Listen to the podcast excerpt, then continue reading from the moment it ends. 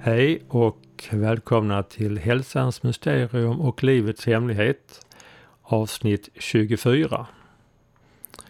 I detta avsnitt tänkte jag prata lite om uppskattning. Det har lite att göra med att förstärka det jag pratat tidigare om känslans betydelse.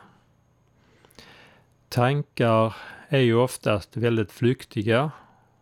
De kommer och går. Men en känsla dröjer sig kvar längre i vårt sinne och i nervsystemet. Och eh, när jag ägnade mig åt att fördjupa mig i heartmath så var just uppskattning någonting viktigt som de jobbade med.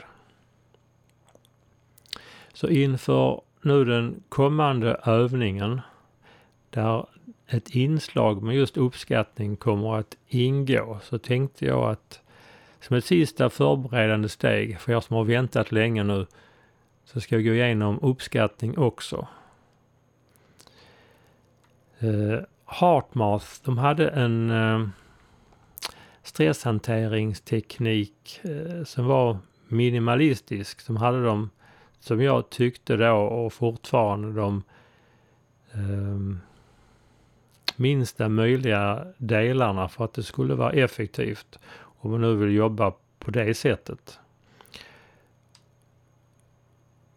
Och där det ingår några tydliga steg. Och det första och viktigaste steget handlar ju om medvetenhet. Hur ska man kunna förändra någonting och göra någonting om man inte blir medveten om att man har kommit in i en stressreaktion med både tankar och känslor och fysiologi. Och då är ju nästa steg att så fort man blivit medveten om att man har gått in i till exempel stress eller är i obalans. Då gäller det att få stopp på reaktionen så snabbt som möjligt. Och vad de lärde ut i sin freeze frame teknik det var att flytta uppmärksamheten bort från de rusande tankarna. Och på ett sätt kan man säga att man kan flytta uppmärksamheten till vad som helst. Bara uppmärksamheten flyttas bort ifrån det som triggar stressen. Men eh, de hade lösningen att man ska flytta uppmärksamheten till hjärtat. Ett alternativ kan ju vara andningen. Och så skulle man då lägga på den här lite långsammare rytmiska andningen och ha uppmärksamheten på sitt hjärta. Just för att bryta stressreaktionen.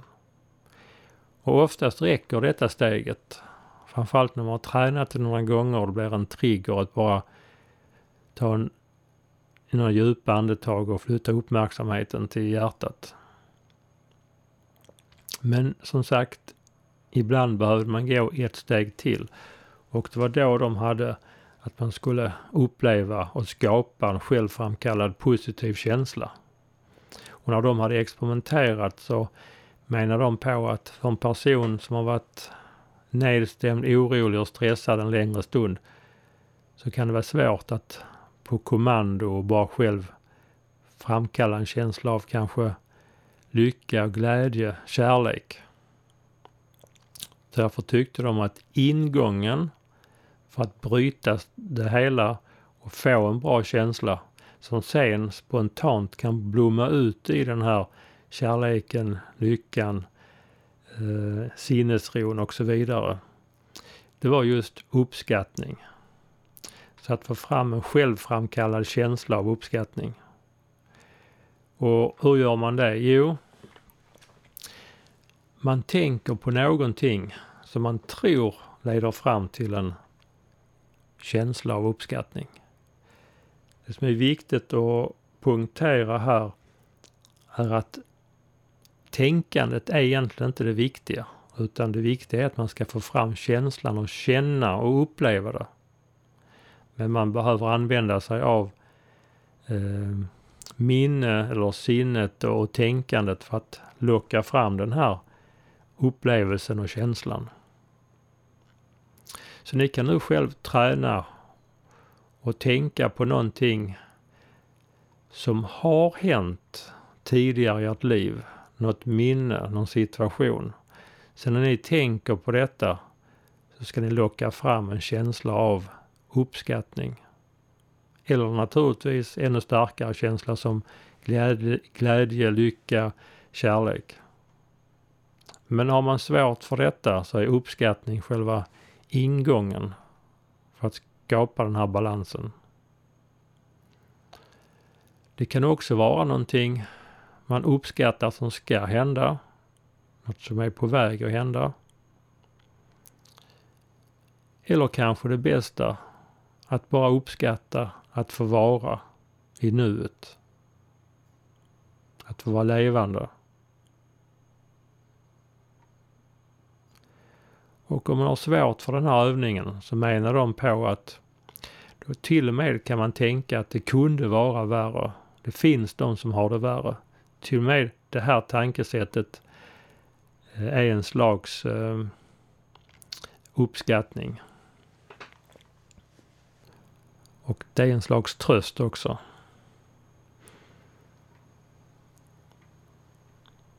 Så prova om ni kan och har möjlighet, sluta ögonen beroende på vad ni gör. Men tänk på någonting som ni har varit med om. Det kan också vara en person som ni uppskattar att ni har känt, ni har lärt känna. Och någon person ni känner just nu som ni uppskattar finns där, finns till hands. Det kan naturligtvis vara en förälder, en nära vän, familjemedlemmar och även ett husdjur. Så det intressanta är egentligen inte vad du tänker på eller vem du tänker på. Det viktiga är att det lockar fram en känsla av uppskattning. Som man ska uppleva. Och gärna uppleva den här känslan i hjärttrakten. Och samtidigt kan man ju då lägga på en långsam rytmisk andning. Så träna att andas som jag gått igenom flera gånger tidigare på de här podcasten. Att andas långsammare och rytmiskt med buken eller diafragmandningen. Försök förlägga uppmärksamheten till bröstkorgen, till ditt hjärta. Och försök uppleva den här känslan av uppskattning. Får man inte fram någon bra känsla på en gång så kan man ju träna sig på och pröva att tänka på någonting annat. Så träna några gånger på detta, att försöka själv framkalla en känsla av uppskattning. Och när ni har tränat några gånger på detta och känner att ni har fått lite kläm på det så är detta ett av inslagen på den kommande energipsykologiövningen med känslobalansering eller minnesbearbetning. Eh, för då kan man behöva boosta sig själv eller skapa en bra balans om man har tänkt på någonting i jobbet innan det liksom är balanserat. Då kan man någon gång under träningen och jag kommer att säga det också, tänka på någonting så ni får en känsla av uppskattning. Och det är just det ni har tränat på att tänka på nu som ni plockar fram under övningen. Eller något spontant som kommer till er. Men just för att skapa en positiv känsla som en motvikt till kanske det ni vill jobba med som där ni upplever istället en jobbig känsla ett tag. Och sen när den här energipsykologiövningen är över tänker jag fortsätta och fördjupa mig i det jag påbörjade innan. Och då ska vi komma in på det här med det naturliga inre lugnet som vi har inom oss. Så när man har kommit en bit med just meditation, mindfulness eller bara hittat hem i att bara kunna vara. så får man ju spontant sinnesro och inre lugn. Men det kommer som sagt senare. Men nu handlar det om att kunna skapa eh, en positiv känsla eh, i den här övningen. Träna nu på att själv framkalla och uppleva och känna någon form av positiv känsla. I första hand då uppskattning. Och därefter är ni redo att gå vidare till övningen som jag tidigare har pratat om och som ni är förberedda på de två tidigare avsnitten. Så vi hörs snart i övningen. Hej då!